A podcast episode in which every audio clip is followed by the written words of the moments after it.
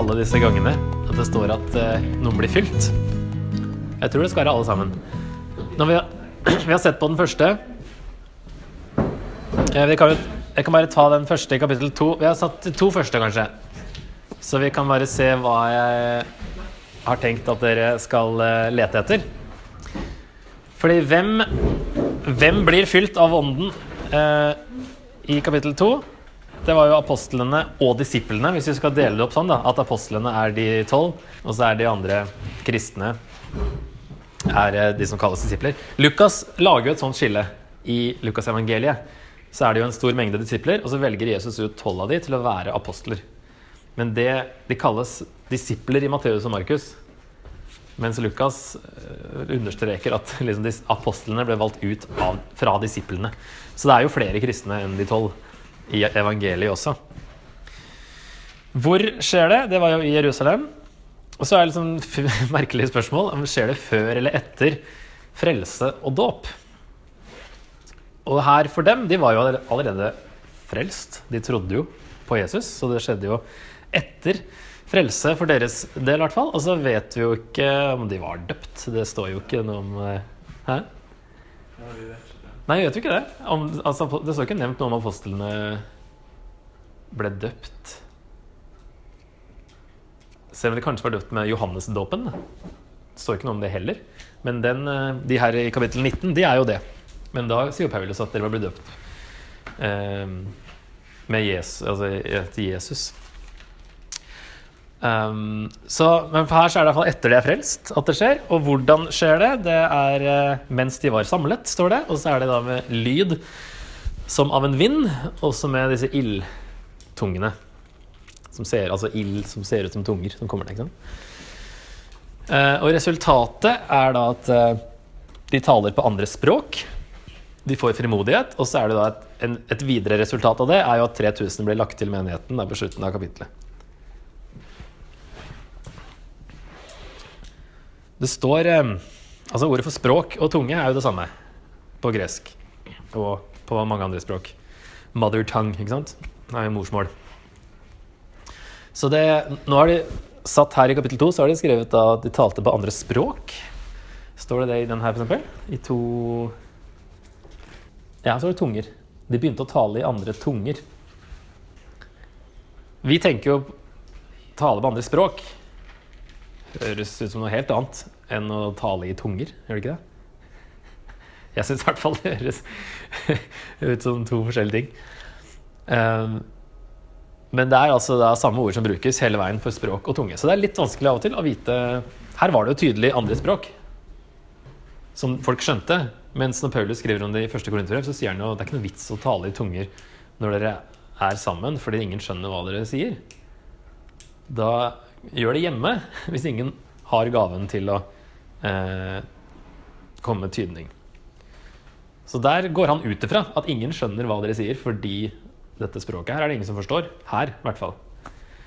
Eh, men det virker som at det er faktiske språk, eller om, man- om det er jordiske språk, det vet vi jo ikke. Men han, han snakker jo om engle...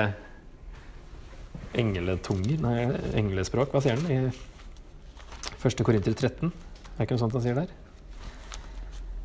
Jo, om jeg taler med menneskers og englers tunger. Og det er jo i kontekst av, av tungetale og profeti han kommer med den her kapittel 13. Den løsrives ofte da, som en egen sak, men det er, står i mellom kapittel 12 og 14, som handler om det samme. Så det er en en litt sånn digresjon, og så kommer han tilbake igjen. Men det handler fortsatt om nådegaver og hva som er viktigst. Og da sier han engletunger, mennesketunger. Eh, hvis ikke er kjærlighet, så er det null verdt. Så det kan jo være englespråk også, når ingen forstår det. Det vet vi ikke så mye om, egentlig. Så var det den vi andre så på, nummer to, i kapittel fire. Der er det i hvert fall Peter og Johannes som nevnes ved navn, og så står det sine egne, altså disse andre disiplene, som vi ikke vet hvor mange, men kanskje alle 120, eller enda flere. Det er også i Jerusalem fortsatt. Det er da i hvert fall etter frelse, siden det allerede Det skjedde jo der. Det var allerede etter frelse i kapittel 2. Hvordan skjer det? De, da de hadde bedt, står det, og at stedet skalv. Resultatet der er at de taler Guds ord med frimodighet, som da som sagt var det de ba om å få. Så, sånn. eh, De to første har vi sett på da, og så kan dere se på de fire andre her. Kapittel 8 og 9 og 10, og så er det noen vers i kapittel 11 der dette gjentas. Og så er det mm, kapittel 19. Og så skal vi se hva vi finner ut. Ok? Så kan dere få lov å jobbe litt med det. Ja, skal vi gå gjennom og se hva vi fant? Kapittel 8. Hvem er det det dreier seg om der?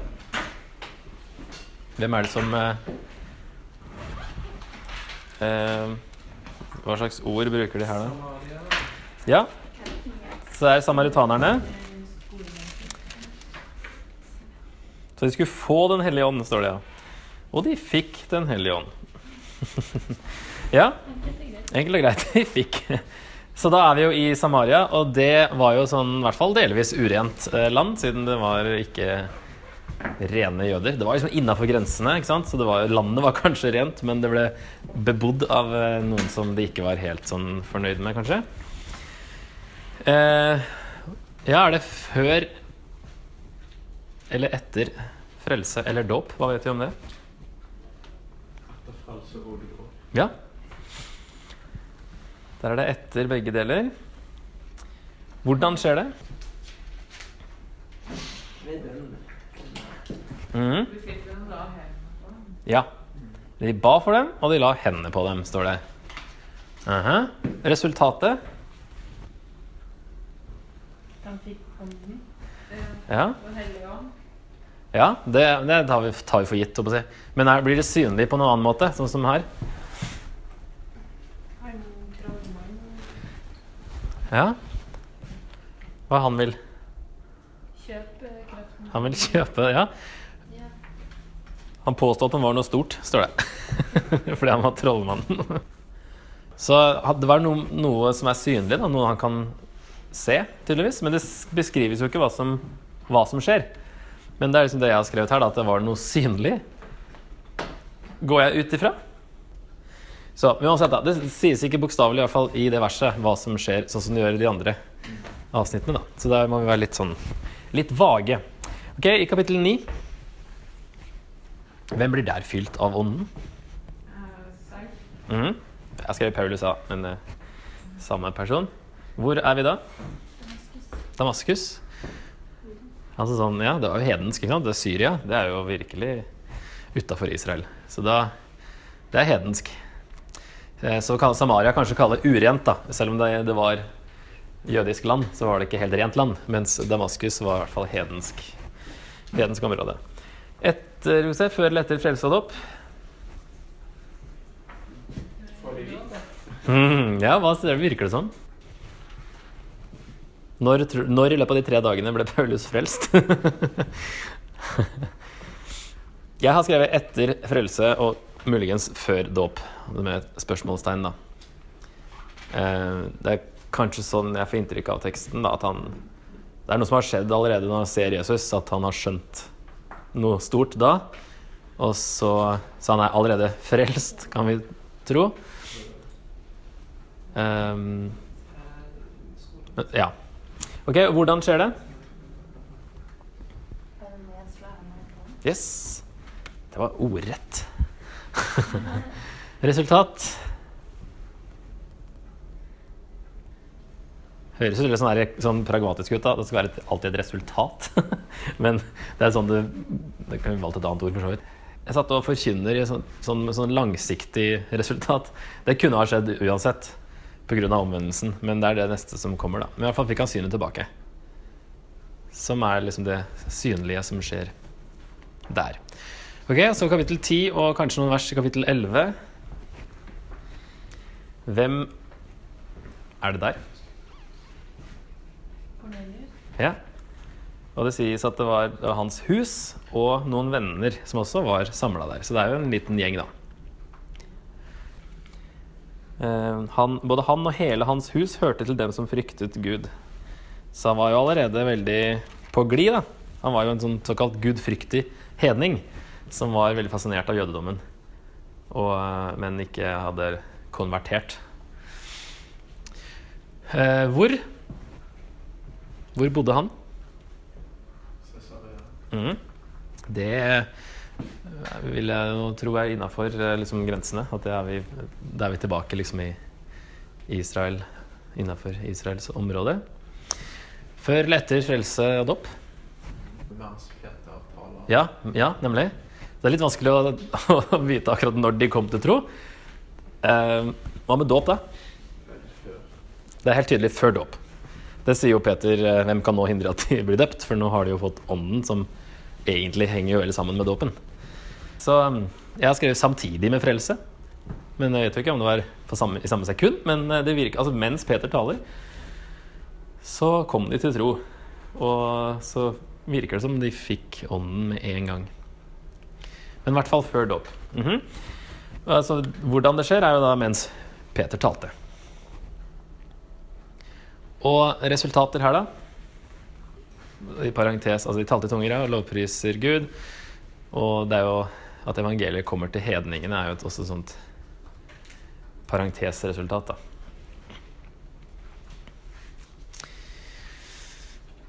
Ok, og den siste i kapittel 19. Noen disipler. Noen disipler. Hva tenker vi om nasjonalitet?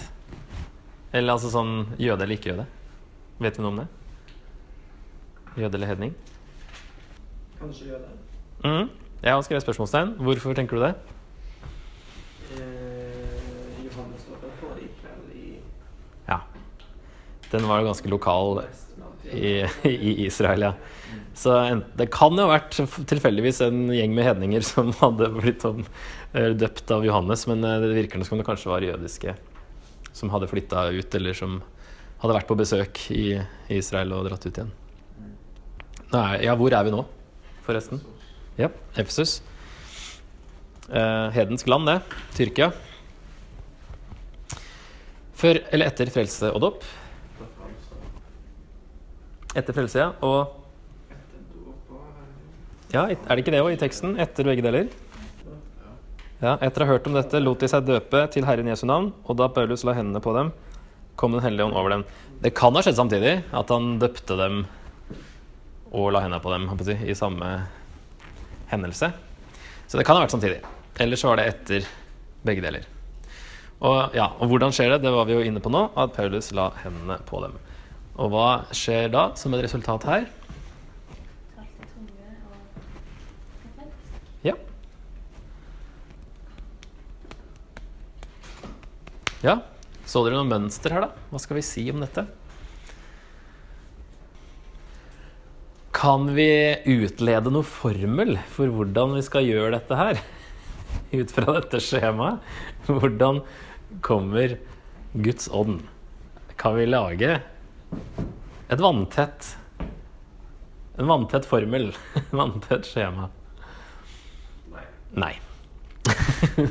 det kan vi si. Det er mangel på struktur her fordi Gud ikke følger noen regler. Han gjør akkurat som han vil. Derfor er det ikke noe sånn at det alltid skjer etter det ene eller før det andre eller på samme måte, eller at resultatet alltid er det samme heller. Det er jo forskjellig ofte. Det som er litt spesielt her i starten, for nå, det er det som er kanskje litt annerledes her, da, enn For det her er folk som allerede tror før ånden blir gitt. Og det er jo litt annerledes. Altså før Den hellige ånd kommer i det hele tatt. Eh, etter at Jesus har gått opp igjen. Så er det en sånn Det er jo en periode her når folk allerede tror. Jeg tror, jeg tror i hvert fall vi, vi bør ha med det i tankene. At det her var en spesiell periode. For det er litt vanskelig å konkludere 100% hvordan det henger sammen. For de må jo, som sagt, ingen kan tro uten at uh, de har ånden, egentlig. Så det er kanskje det her en sånn uh, ekstra boost i starten. Vi skal se litt på, um, på akkurat det der eh, litt etterpå. Om eh, Ja, med disse boostene som gis rundt omkring. Men som eh, jeg tror vi kan konkludere med, i hvert fall, at Den hellige ånd, eller Gud, da, følger ingen tydelige regler. Um, og så er det dette med disse tungetalehendelsene. For det kobles jo ofte til dette med å I hvert fall i noen kirkesamfunn, da. Med å få eller bli fylt av ånden, da er det tungetale det liksom dreier seg om. Uh, ja, nå gidder ikke jeg klikke gjennom hele den en gang til. Men hvor mange ganger skjer det tungetale på det skjemaet som vi fylte ut? Det skjer på pinsedagen, så det er en der, og så er det to til. Og, eh, ja, det er tre ganger det tydelig nevnes. Og så er det mulig det skjedde i Samaria, selv om det ikke sies, men det var noe synlig. Så det er mulig. Men i hvert fall, det er bare tre ganger det nevnes. Og det er jo ikke hver gang, ikke sant? Så jeg syns jo det blir litt rart å når det nevnes så få ganger, egentlig, at det skal bli en sånn hovedting. Så en annen tolkning da, av det Altså ikke, en, en annen enn at det alltid skal være et tegn på at Den hellige ånd fyller noen, så er alltid tungetallet et tegn.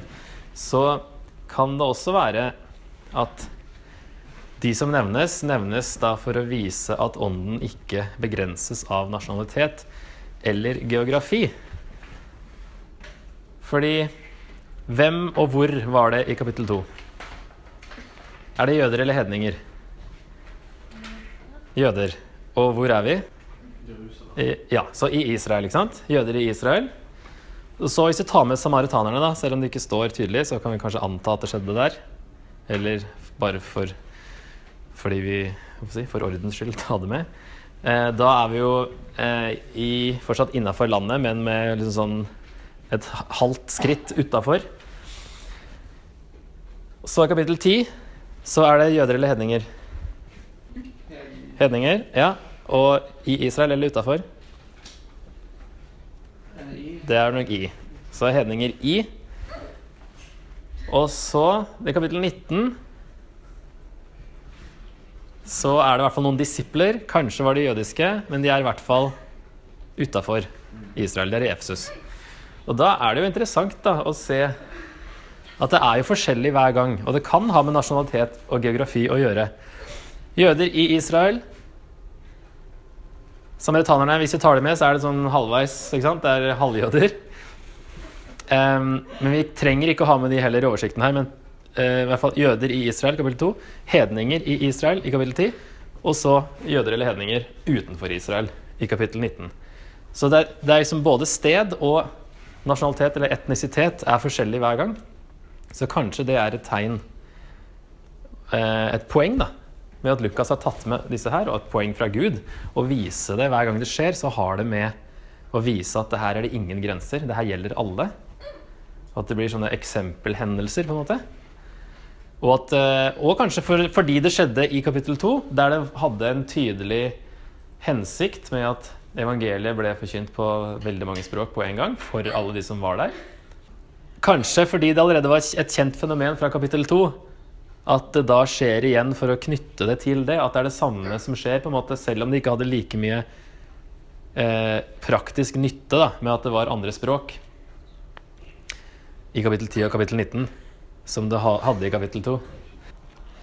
Eh, så kan det være at man da ser en sammenheng at det er det samme som skjedde i kapittel 2, bare at det skjer hedninger, og det skjer både i og utenfor. Det skjer både jøder og hedninger, og det skjer i og utenfor Israel. Det er nyttig å tenke på det her òg.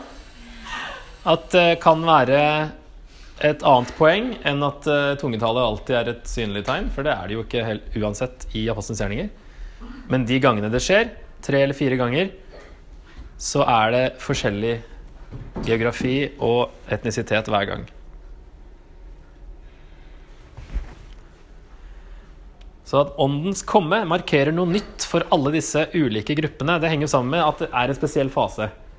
Nå har Jesus gått opp til himmelen, nå kommer Den hellige ånd, og så vises det på en måte at det her det gjelder alle typer kristne i alle områder. Nå starter det noe nytt, nå kommer Den hellige ånd, og så blir det liksom ekstra synlig og en ekstra boost helt i starten, kanskje. Fordi Apostelens gjerninger gir i hvert fall ikke inntrykk av at alle som tror, taler i tunger. Selv Paulus blir frelst og fylt av ånden uten at tungetallet nevnes. i hvert fall. Og det er jo det med altså, I kapittel 2, når det sto at de talte på andre språk, så er det akkurat det samme som de andre når det står at de taler i tunger, så er det bare at ordet 'andre' ikke er med. Så det, det kunne jo oversatt 'de talte på språk', i kapittel 10 og 19 også.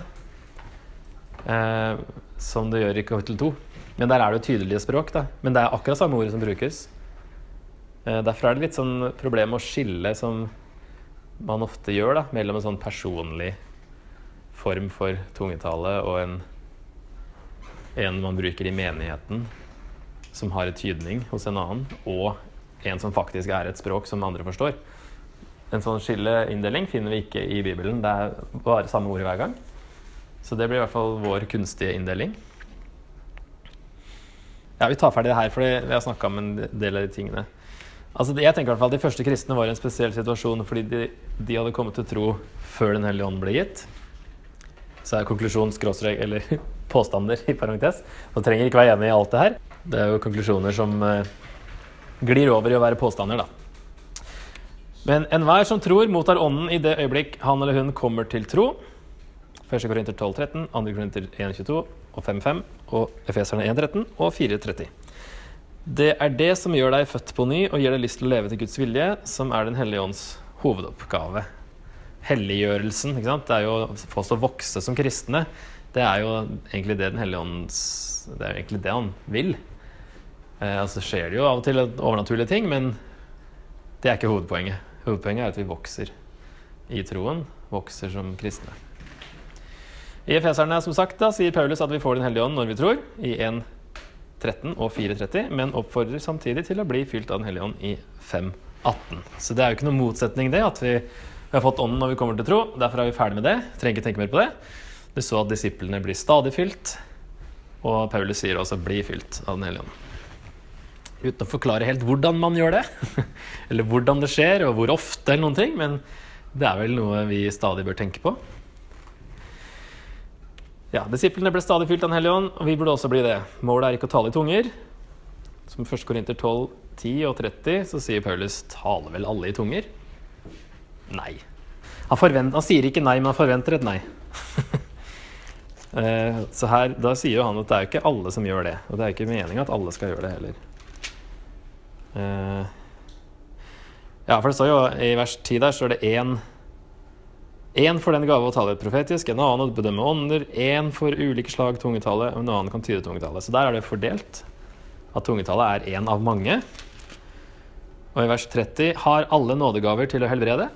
Ok, begynn fra egentlig vers 29. Er vel alle apostler? Er alle profeter? Er alle lærere? Gjør vel alle under? Har alle nådegaver til å helbrede? Taler alle i tunger? Kan alle tyde tungetale?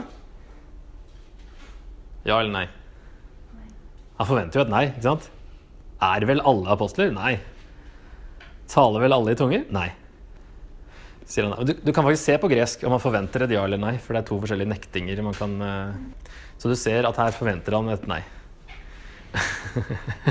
så det er greit av og til. Hvis du er i tvil, så kan man få noen til å sjekke gresken. Um, så det han sier jo der Ikke alle taler i tunger, og det ser vi også at det er ikke det som alltid skjer heller i apostelens gjerninger. Og poenget er jo det som Jesus sa i 1.8, å få kraft til å være Jesu vitner. Det er jo det Den hellige ånd Det er derfor han sier 'vent', så dere skal få kraft, og dere skal være mine vitner. Han sier jo ikke 'vent', så dere skal tale i tunger, for det kommer til å overbevise verden. Er jo, De skal få kraft til å være vitner. Det er det det dreier seg om. Det er hovedpoenget. Så kan Gud gjøre det han vil med overnaturlige ting. og mirakler og resultater, altså, uten at vi trenger å fokusere altfor mye på det. Tenker i hvert fall jeg. Påstand.